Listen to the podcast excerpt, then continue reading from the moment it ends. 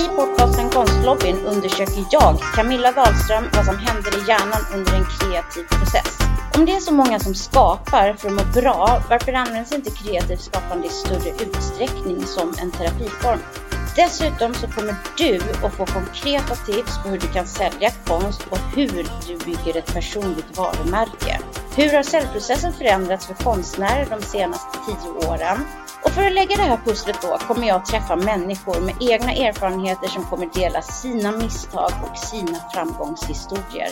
Jag kommer prata med experter inom specifika områden och såklart kommer jag dela mina egna erfarenheter. Podcasten Konstlobbyn vänder sig till alla som ägnar sig åt någon form av kreativt skapande oavsett om det är på hobbynivå eller om man är yrkesverksam idag. Så luta dig tillbaka och varmt välkommen till Konstlobbyn för nu kör vi!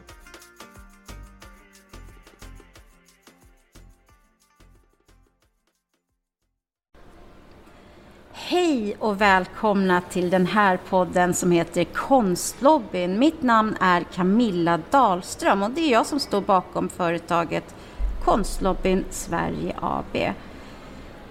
Jag tänkte så här att vi ska köra igång på alldeles direkten och min allra första gäst idag heter Tove Höglund och Tove Höglund är både konstnär och författare och en massa andra saker. Men Tove, varmt ja. välkommen! Tack så mycket Camilla, vad roligt! Ja, berätta, vem är du? Ja, som du presenterar lite kort så är jag mångsysslare. Jag är eh, gift, bor i Hälsingland med man och två barn och har eh, utbildat mig inom eh, bland annat legitimerad lärare. Men nu är jag entreprenör, egenföretagare och arbetar som konstnär, författare och coach. Vad spännande. Och det här är ju då en konstinriktad podcast. Mm. Så jag tänkte berätta, eller jag tänkte fråga dig faktiskt, innan vi går in på dig. Vad, vad är konst för dig? Vad, vad, är konst? För mig är konst någonting som någon har skapat och som eh, ja, påverkar mig på, på något sätt. Mm. Ja. Och, och, och, när, när, när får man betrakta sig som konstnär? Jag tänker att när du, om du säljer konst, då är du ju konstnär. Mm. Um, ja. Men jag tänker också att om jag pluggar på Konstfack och inte har börjat sälja konsten så är jag också konstnär. Så jag tycker att eftersom att det inte är en sån här registrerad titel där du måste ha ett visst certifikat så tycker jag att man ska kalla sig själv konstnär när man skapar konst på mer än hobbynivå. Mm. När eh, sålde du din första tavla? På mitt första vernissage som jag hade ett halvår ungefär efter att jag började måla överhuvudtaget. Vad häftigt. Och vem, vem var det som köpte? Kommer du ehm, det? Ja, jag kommer faktiskt ihåg för det var en kvinna som, som jag inte känner särskilt väl, en bekant som följer mig på Facebook. Som kom hit, körde hit från Stockholm och köpte en tavla. Nej, vad häftigt. Mm. Men eh, och vad, varför började du måla överhuvudtaget? Jag hade en längtan eh, efter att få skapa och få uttrycka mig. Så det var i samband med att jag blev sjukskriven för utmattningssyndrom eh, som jag bara... Äh, nu vill jag skapa.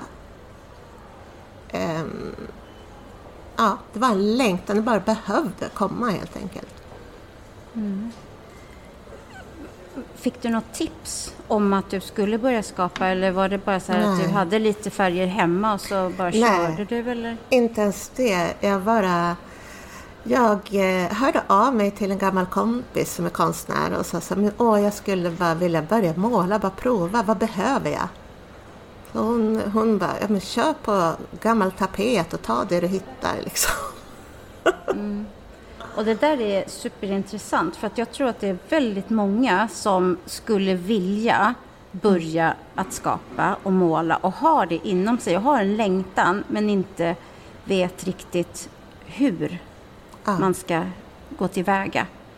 Eh, så ett tips där då från dig, det är att bara ta vad som helst, eller? Alltså tapet funkar jättebra. Man behöver inte åka och köpa några tjusiga canvaspapper eller sådär. Eh, och ett annat tips är akrylfärg och det går att hitta väldigt billigt på många, överallt typ.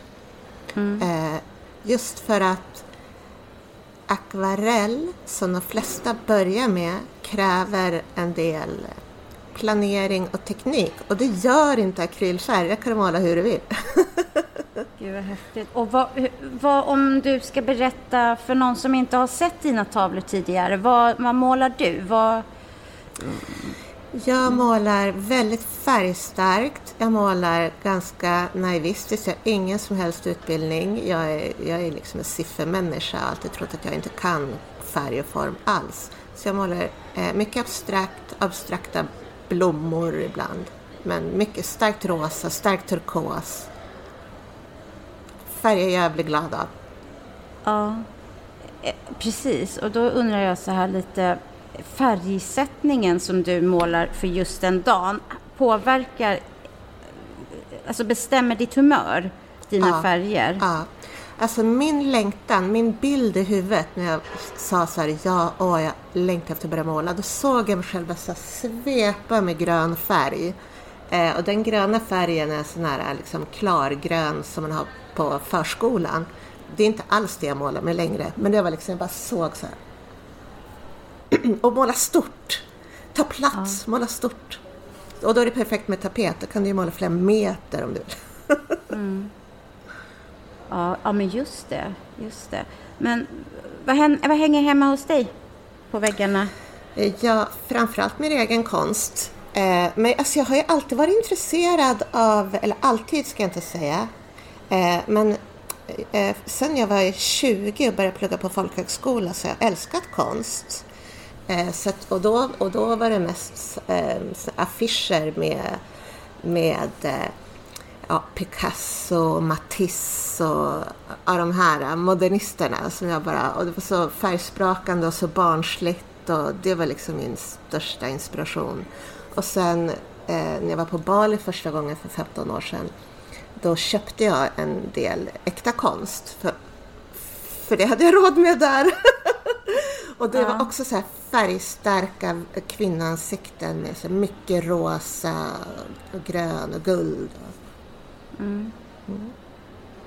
Gud vad häftigt.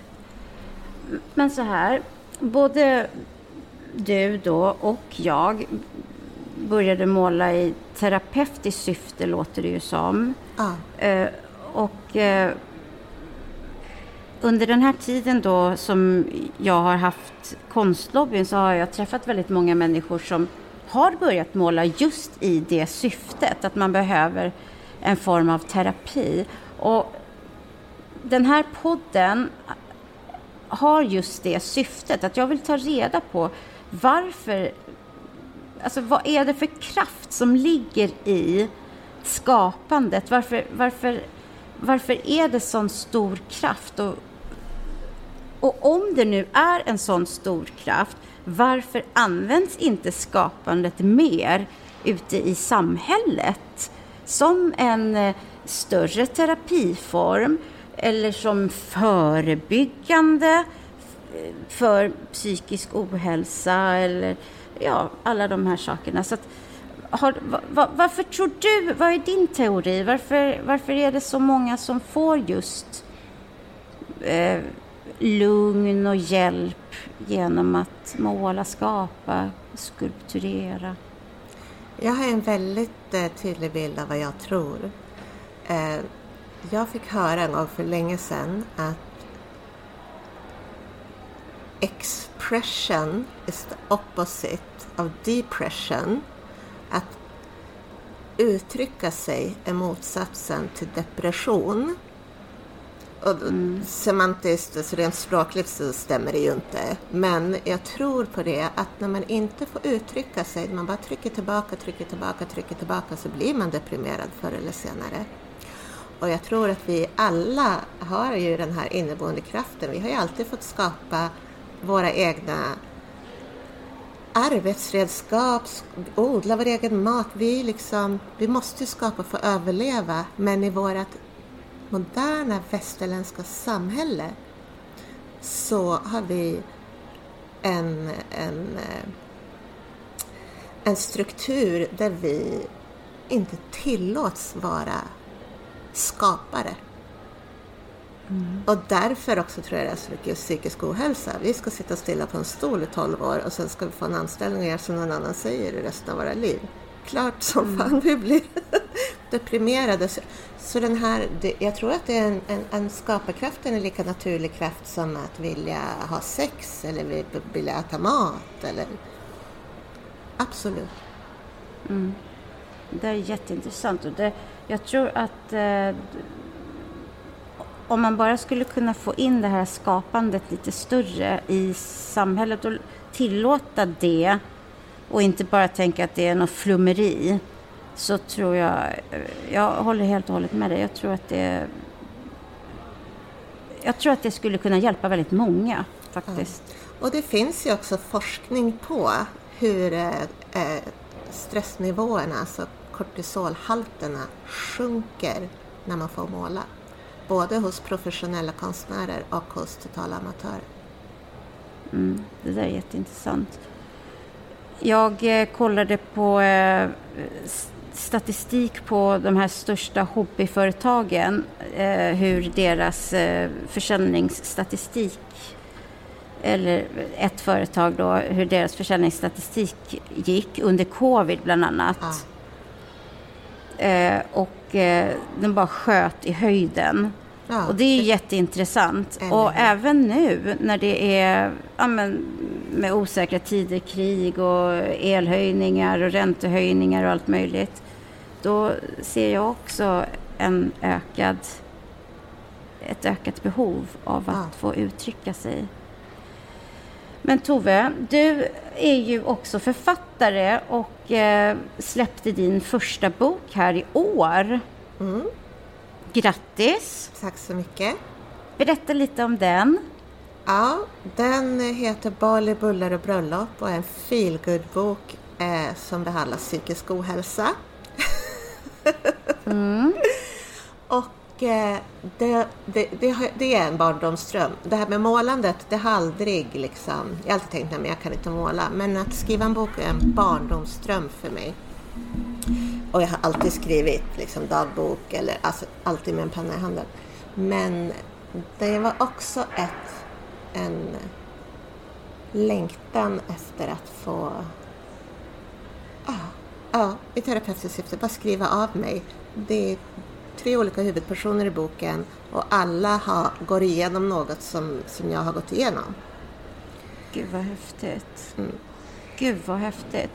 Men, och vad, eh, hur, ja, själva bokens handling och hela den, hade du, kom den bara till dig eller hade du tänkt ut det i flera år eller vad, hur? Nej, alltså jag fick tipset, skriv om det du kan skriv, liksom, berätta sånt du vet. Så satt jag med, med och brainstormade. Vad vet jag? Vad kan jag? Ah, jag är lärare, du vet ju hur det är. Alkoholist, du vet ju hur det är. Eh, och sen bara så, så utifrån mina erfarenheter så byggde jag ihop karaktärer. Gud Och det gjorde du ganska, det gjorde du ganska snabbt, visst gjorde du det? Ja, jag skrev hela första romanen på sex veckor.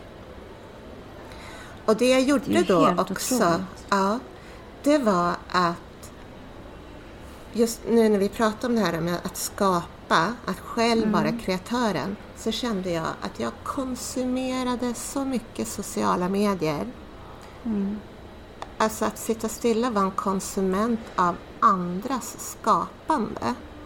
Av andras, och också på sociala medier, en massa skit också. Andras åsikter, andras tyckanden och tänkanden. Så jag, eh, jag, var ju, jag är ju allt eller inget. Jag eh, köpte en, eh, en Nokia 3310 från Kina och så stängde jag av min iPhone. Och så hade jag inga sociala medier överhuvudtaget på två månader. Och det kommer jag ihåg Tove. Ja. då skrev jag min bok. Mm. Istället Fantastiskt.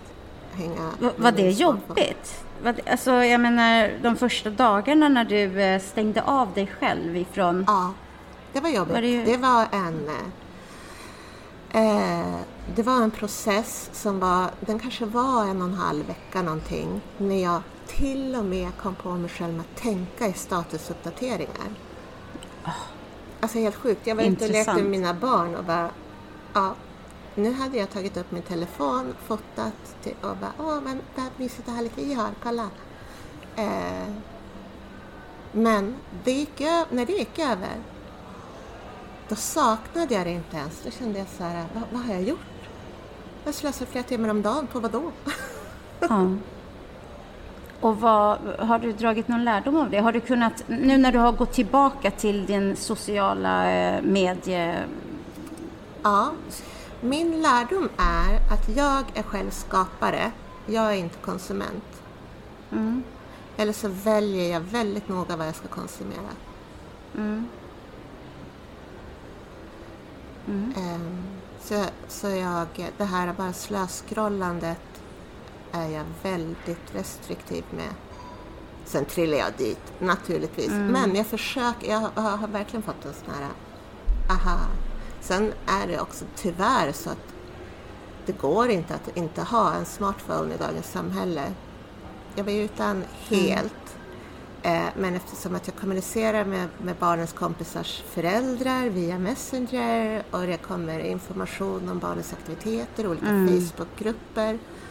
Eh, så var jag ju så illa tvungen liksom att bank-id, swish. Ja, just det. Så att det går inte att inte ha en smartphone. Nej. Eh, Men om man går tillbaka till det här med kraften i skapandet. Är det samma typ av kraft som du upplever när du målar som när du skriver? Ja, Alltså är det samma förlösande eh, eh, hormoner som flödar omkring? För det som flödar är ju att jag hamnar ju i flow. Mm. Och när jag hamnar i flow, när jag, då glömmer jag tid och rum. Då glömmer jag att äta, då glömmer jag att kissa, då glömmer jag... Ja. För då är jag bara i det här äh, skapandet och sen typ, ja med mina barn kommer jag från skolan, då bara shit, åh vad hungrig jag är, åh jag måste gå på toa. ja, just det. Ja. Eh, och den, den kraften, när man är i sånt flow, det är ju välgörande för människan. Det, Ja. är, det ger oss dopamin och det, är- det är inte ett det är inget destruktivt beteende att vara i skaparkraften. Nej. När du, eh, det är bara nyfikenhet, när du skriver och kommer in i det flowet, går du tillbaka och korrigerar då? eh, Eller du bara skriver, bara liksom skriver, skriver, skriver och sen så i efterhand, då går du tillbaka och Ja. Jag kollar? bara skriver, skriver, skriver. Sen så planerar jag ganska noga i förväg min bok. Så jag hade den, kallas outlining. Jag hade ganska tydligt vad som ska hända, hur det ska sluta. Mm. Eh, men jag eh, kallar det för att fulskriva. Jag fulskrev, jag bara skrev, skrev, skrev. Eh, när vi pratar om konst eller när vi pratar om skapandet, hur, eh, hur, hur är du när du skapar? Om jag ger dig en eh, vit canvastavla här och nu, vad skulle du, skulle du tänka eller skulle du bara köra? Skulle du vilja ha ramar eller vill bara köra? Jag vill bara köra. När jag skapar då har jag inte ens... Eh, nej, då planerar jag ingenting. Då kan jag tänka så här... Naturligtvis om det är abstrakt eller om jag ska måla en människa eller sådär. Men liksom jag har inte... Jag, jag ritar aldrig en blyertspenna i förväg eller... Nej. Jag bara har en bild i huvudet och så bara kör jag. Eller så bara kör jag och leker med färgerna. Det där är jätteintressant för att eh, många vuxna människor är, är ju precis tvärtom. Eh, och speciellt många som jag har här på målarkurser på, eh, i butiken. Då, och väldigt många som säger att de skulle vilja börja skapa men de kan inte. Och jag tror att det där är en viktig lärdom att man inte ska Eh, eller rättare sagt så här, att man ska göra så som du man ska ta bort alla hinder i hjärnan och bara köra så som du gör. Eh, faktiskt. Jag tror för att börja, för att överhuvudtaget liksom våga. Eh, för jag har ju också haft konstkurser och då tänker jag så här, lek med färgen. Hur, tänk inte eh, en produkt utan tänk så här, åh kolla jag målar med rosa här. Jag målar mörkrosa, mm. jag målar ljusrosa och så målar jag grönt. Mm. Istället för att, eh, att det ska bli en färdig produkt som är perfekt. Mm. Jag leker med färgerna. Mm. Ja. Något och det, är det, som är det, och det är det som är liksom som barn gör. De leker med mm. färger. De bara åh, kolla, blå, vad kul! Mm. De är inte så här, mm. nu måste jag måla himmel och hav. Och, och gud vad dåligt nej. det blev för att vågen blev sned. Liksom. Nej, nej. Nej, och det där är jätte... Precis, jag har varit i skolan också och haft eh, massa, eh, massa klasser och det är ju det är som du säger, det är ju barn bara kör. Det är fantastiskt. Tills de kommer upp typ i mellanstadiet. Mm. När de börjar sudda. Åh, det är så fult. Åh, jag är så dålig. Och jag kan inte. Mm. Eh, och det är... Eh, och, och vuxna kvinnor. Mm. Gud, de vågar inte ens måla på en gång en meter. De bara, nej, inte ska väl jag. Jag målar bara det här lilla, lilla vykortet. Mm, mm. jag, jag, kan inte ta större plats än så. Liksom. Nej, nej. Nej. Så vad har vi för tips till eh, kvinnor speciellt då som, som, som begränsar sig för att de ser fel vinkel eller de ser fel, de hittar fel i sig själv. Berätta, vad ska vi göra? Vad ska vi, hur ska vi få dessa kvinnor att eh, börja skapa? Kvinnor och män såklart. Men... Ja, eh, jag är för kvinnokraft. Eh, det jag tänker är det viktigaste för min egen skull och det jag har märkt det är att efter jag hade mitt första vernissage, jag sålde, alltså jag sålde hur mycket som helst. jag hade målat typ 60 tavlor och sålde 20 liksom. Mm. Då började jag så här, aha, den här typen, de här tavlorna har jag sålt, de här har jag inte sålt. Nu ska jag måla så som jag tror att folk vill köpa. Ja. Och hela min liksom, entusiasm, inspiration, glädje, det bara försvann. Ja. Så tänk så här när du målar. Du, du behöver inte visa det för någon. Nej. Ingen behöver se det du har målat. Och samma när jag skrev tänkte jag säga, jag ska skriva en bok för min egen skull för att jag vill skriva en bok. Ja. Jag hade ingen prestationsångest för jag tänkte att det är ingen som ens behöver veta att jag har skrivit en bok. Nu bara skriver jag den. Och så bara blev den mm. superhäftig. Mm. För ett år sedan ungefär så vet jag att du fick diagnosen ADHD. Mm.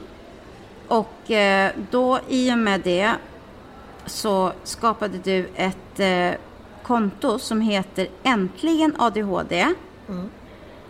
på Instagram. Och där gick du då från noll följare till, vad har du idag? 3000? Ja, mindre. 2340, ja. Men det här med att bygga personliga varumärken, det är ju jätteintressant och det är ju jätteintressant för konstnärer också. Hur man når ut i det här bruset. Och jag tycker du är ett levande exempel på hur du har byggt upp ditt personliga varumärke med det här med ADHD-kontot. Jag tycker det är fantastiskt. Mm. Hur, hur har du gjort? Berätta, vad är tanken bakom och hur gjorde du? Och hur, hur blev du så poppis och hur har du fått så många följare? Berätta allt. Mm. Alltså, jag tänker så här när det gäller eh, att man ska vara ganska tydlig med sig själv vad man vill med kontot. Mm. Eh, vill jag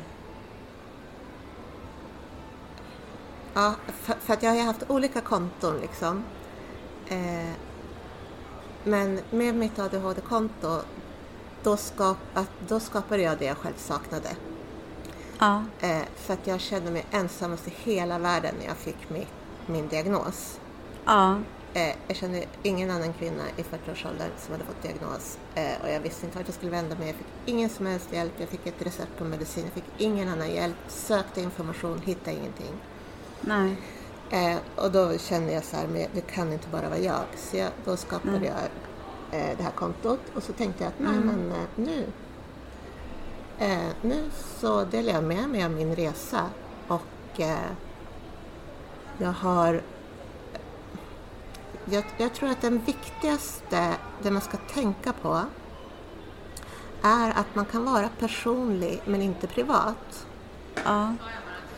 Eh, och för mig så går en väldigt tydlig gräns att, att vara personlig och också att jag kan bara berätta om mig själv. Jag kan inte berätta om jag har haft en konflikt med någon anhörig eller eh, utan jag kan bara ja, att jag måste vara tydlig med vad jag kan stå för. Liksom. Mm. Eh, och sen så tänker jag att jag är inte strategisk så tillvida att, att jag har ingen planering för vad jag ska lägga upp eller när jag ska lägga upp det. Utan jag gör inlägg på ren inspiration. Och så bara trycker jag ut det. Ja, det, alltså det är så fantastiskt. För, ja, jag, jag är jätte, jätte, jätteimponerad och du är så... Vet inte, men det känns ju verkligen som...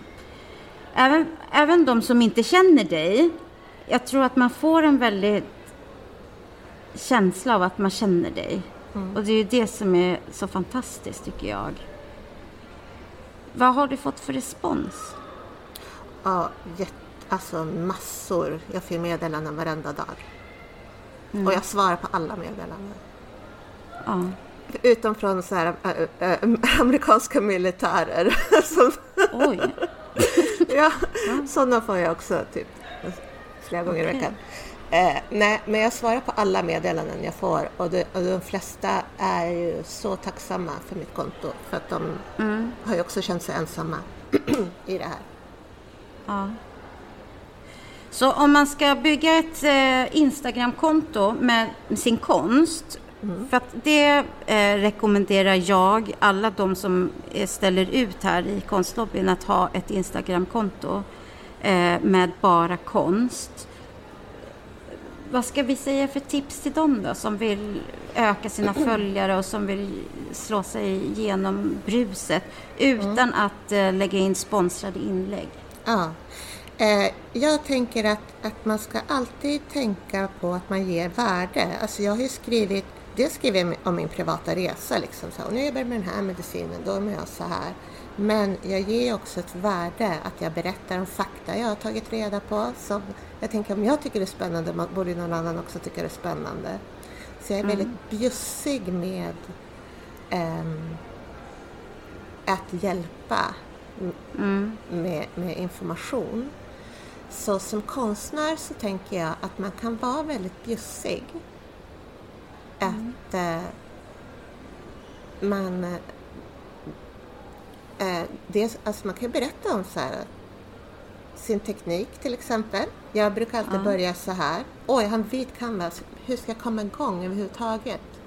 Eh, jag gör alltid så här och så här. Så har jag i alla fall startat. Eller, eh, och sen så tänker jag att storytelling är ju ehm, det som gör att folk får känslan av att man känner någon. Mm. Eh, och i businessvärlden så pratar man ofta om det här uh, know, like, trust. Alltså du köper av någon som du känner till och som du gillar och som du litar på. Ja.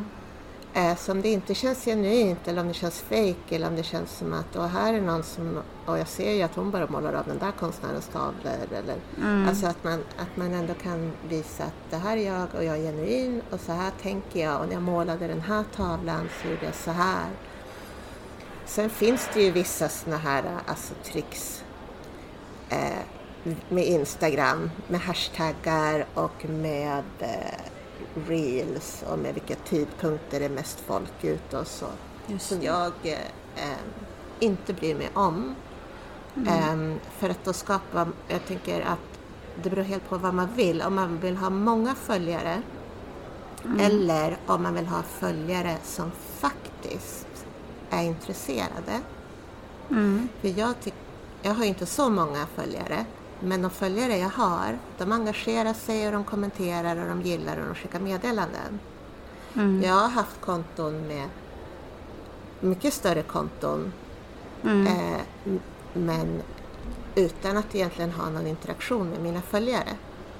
Ja. Så, så, så antalet följare är egentligen helt oviktigt. Det ja. viktiga är att de följare du har är sådana följare som skulle kunna kanske tänka sig att köpa din konst eller som inspireras av just dig för att du målar bra. Ja. Eh, så att det, för att det finns ju så här, du kan göra, om jag bara ska tipsa på att få många följare så skulle jag säga så här, gör mycket reels för de får mm. större spridning.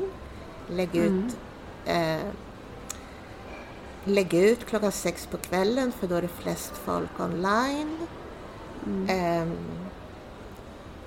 men för att få följare som är engagerade och jag tycker mm. jag, ännu, jag har ännu färre följare på mitt eh, författarkonto.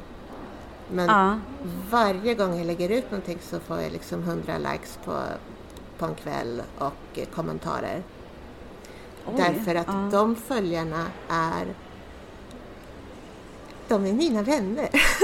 Nej, men ja. jag, har, jag har liksom, jag kanske har, jag har 1300 någonting följare. Mm. Och av dem så är det 100 som ändå engagerar sig för varje inlägg. Gud. Ja, det är mycket. Eh, och då så handlar det jättemycket om att där alla författare som vi följer varandra, ja men jag, är ju, jag kommenterar på deras inlägg, jag läser deras mm. böcker. Mm. Eh, jag eh, ja, men alltså att skapa också en relation i, i följarskaran, tipsa om varandras konton. Eh, så, mm. att, så att mitt konto är ju inte bara eh, jag själv, utan jag eh, i mina stories, då delar jag ofta mm. från andra, andras konton och då, och då taggar jag alltid de personerna. Så att ja, det är de som får cred och nya följare, inte att, att jag lägger upp det som att, att jag tar åt mig äran, utan jag, utan jag creddar alltid andra människor på Instagram. Mm. Så att, att vara engagerad, eh, kommentera, tipsa om varandra och så här, åh mm. den här konstnären följer jag, åh jag tycker hon gör så vackra tavlor. Just det. Så är chansen stor att någon också kommer att skriva om dig och dina tavlor. Ja. Jag ska berätta lite för att eh, det där med att du sa när du eh, fick din diagnos med ADHD att du kände dig väldigt ensam. Det var faktiskt så att när jag började måla för fem år sedan då eh, kände jag mig väldigt ensam. Jag eh, mådde inte jättebra och så fick jag av en terapeut faktiskt, eh, ett papper och en penna i handen. Och eh, då sa hon att eh, du måste sitta still och så försöker du fokusera och lyssna på vad jag säger. Och om det känns bättre för dig, om det är lättare för dig att lyssna på vad jag säger, så sätt dig och använd pennan och pappret. Och ur den det, på det pappret så bildades det en teckning som är fantastisk, faktiskt, om jag får säga det själv. Och jag eh, kommer lägga upp den sen på hemsidan och jag har den också på Konstlobbyns hemsida.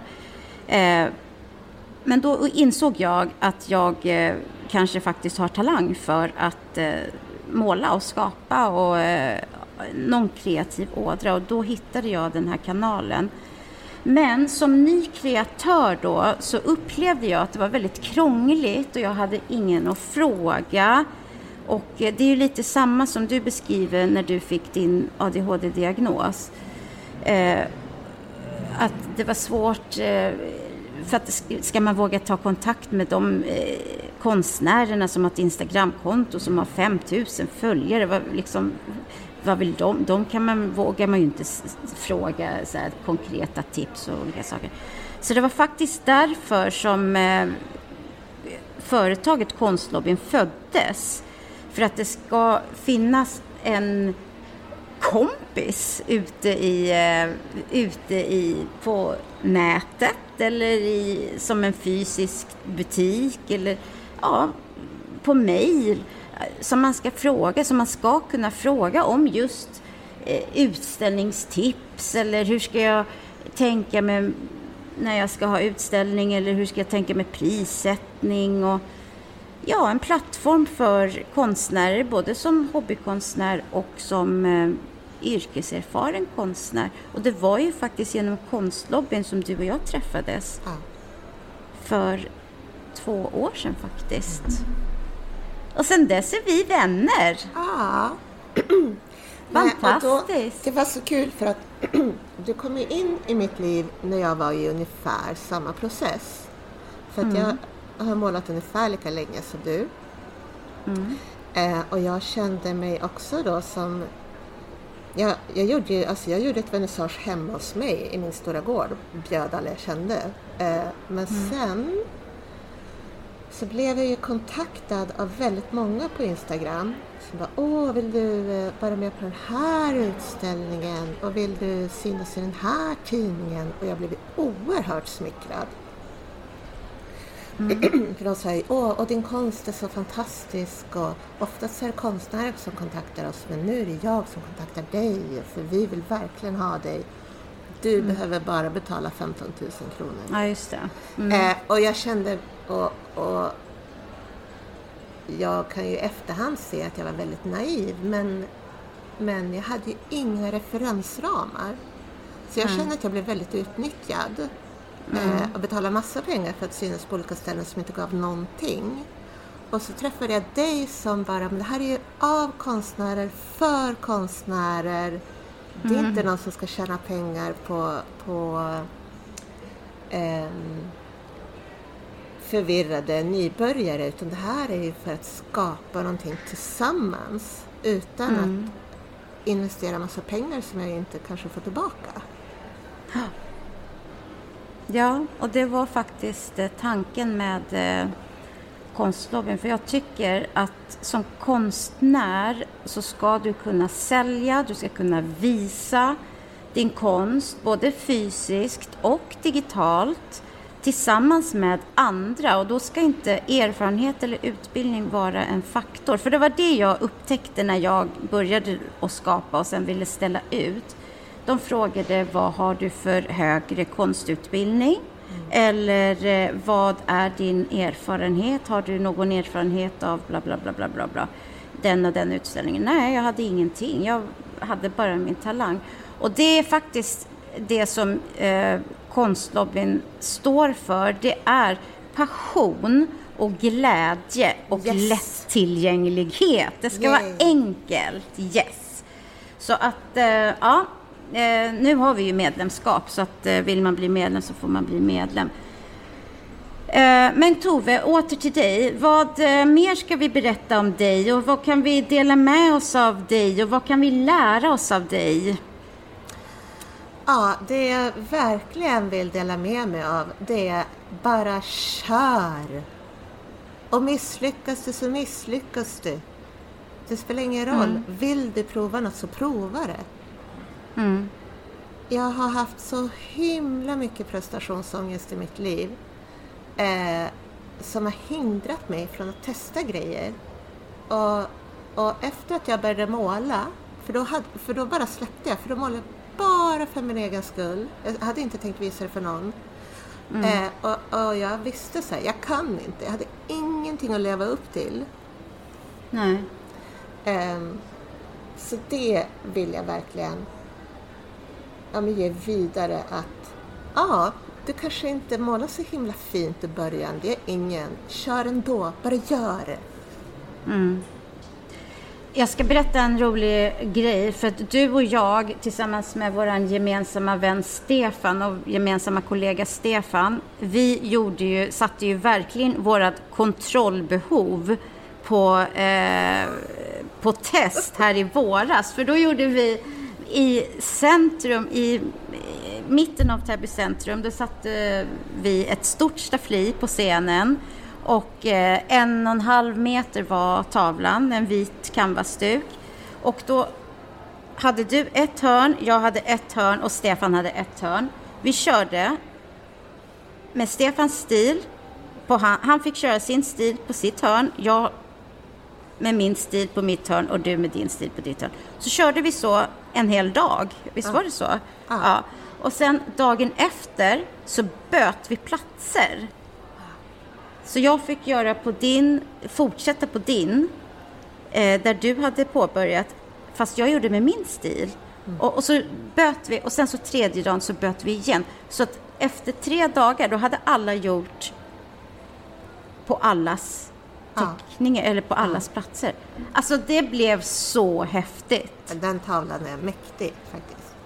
Så, så häftigt. Och den eh, sålde vi och där skickade vi pengarna till Rädda Barnen. Eh, och den sålde vi här i somras. Mm. Fantastiskt. Ja. Eh, så att det gäller ju att släppa kontrollen också för det är tillsammans och det är då det blir så häftiga grejer. Ja, visst. Ja, jag mm. tänker just det där med kontrollbehov och prestationsångest. Det bara begränsar. Eh, ja. Och då vill jag också tipsa om akrylfärg för att där kan man måla över om det blir fult.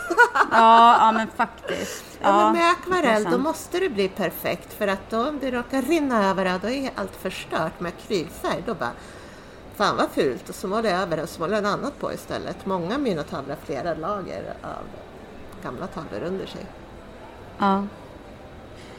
Du, en sak till som jag vill eh, bolla med dig. Det är, mm. för jag har haft eh, ett gäng eh, killar som har varit lite bråkiga i eh, eller bråkiga, men de har haft lite, de har mått lite halvdåligt. De är runt 15. Mm. Eh, och när de eh, fick eh, lite sprayburk och lite pennor och lite akrylfärg i handen, då, blir de, då blev flera av dem väldigt, väldigt lugna och de gick till den här klassen med, eh, med glädje, vilket de tydligen inte har gjort tidigare. Och jag fick ett samtal från en av eh, föräldrarna där eh, de sa att min son har blivit som en annan människa. Vad tänker du om det? Och, ja, vad tänker du om det? Och, mm, vad, vad är dina tankar om det scenariet? Mm. Alltså för det första så är det helt fantastiskt. Mm. Eh, och grattis till dem som vi kommer att skapa med dig. Mm. Eh, och eh, många som mår dåligt eller många av oss som har NPF-diagnoser vi mm. fungerar inte i, efter andras villkor så bra. Men när vi får sätta mm. våra egna villkor då fungerar vi oftast väldigt, väldigt bra. Mm. Eh, och särskilt i, alltså, i en, en skapande verksamhet. Och det kan vara konst och det kan vara också liksom, alltså, rörelse och idrott eller musik. Eller, eller, eh, men jag tänker att där fick de en eh, Ja, där fick de skapa på sina egna villkor, så tänker jag. Just, mm. Och just det här med expression. De fick uttrycka sig och de fick vara sig själva utan att få mm. höra att och de är så dåliga, de är dumma, de är bråkiga. Mm. Tror du att man skulle kunna eh, minska just eh, killar i den åldern? Tror du att man kan genom skapandets kraft kan man påverka dem så pass mycket genom att få skapa så att de minskar eh, det bråkiga i längden, tänker jag, så att det inte blir en eh, bråkig person eller som kommer i brottslighet eller missbruk eller så. Ja, det korta svaret är ja. Det korta mm. svaret är ja, därför att Eh, jag är ju nu då eh, signalsubstansnörd. Så det korta svaret mm. är ja, de får dopamin genom att skapa. De får dopamin med att bråka, de får dopamin med att missbruka. Ja. eh, så kan man få ett utlopp för och, en, ett, och tillfredsställa sig med att skapa så, Mm. så kan man eh, må mycket mer balanserat. Mm.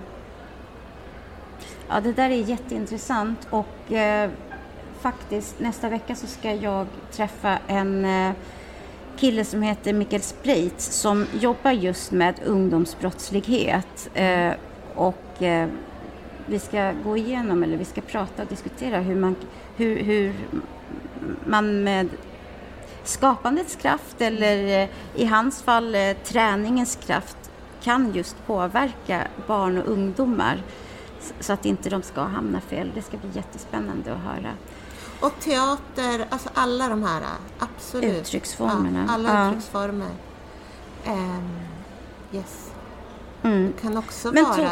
Ja. Ja, nu spårar jag. Men, men, men också, Mm. också eh, att inte heller se ner på de som skapar i sina datorer. De som eh, programmerar och bygger spel. De som är kreatörer vid datorerna. Ja.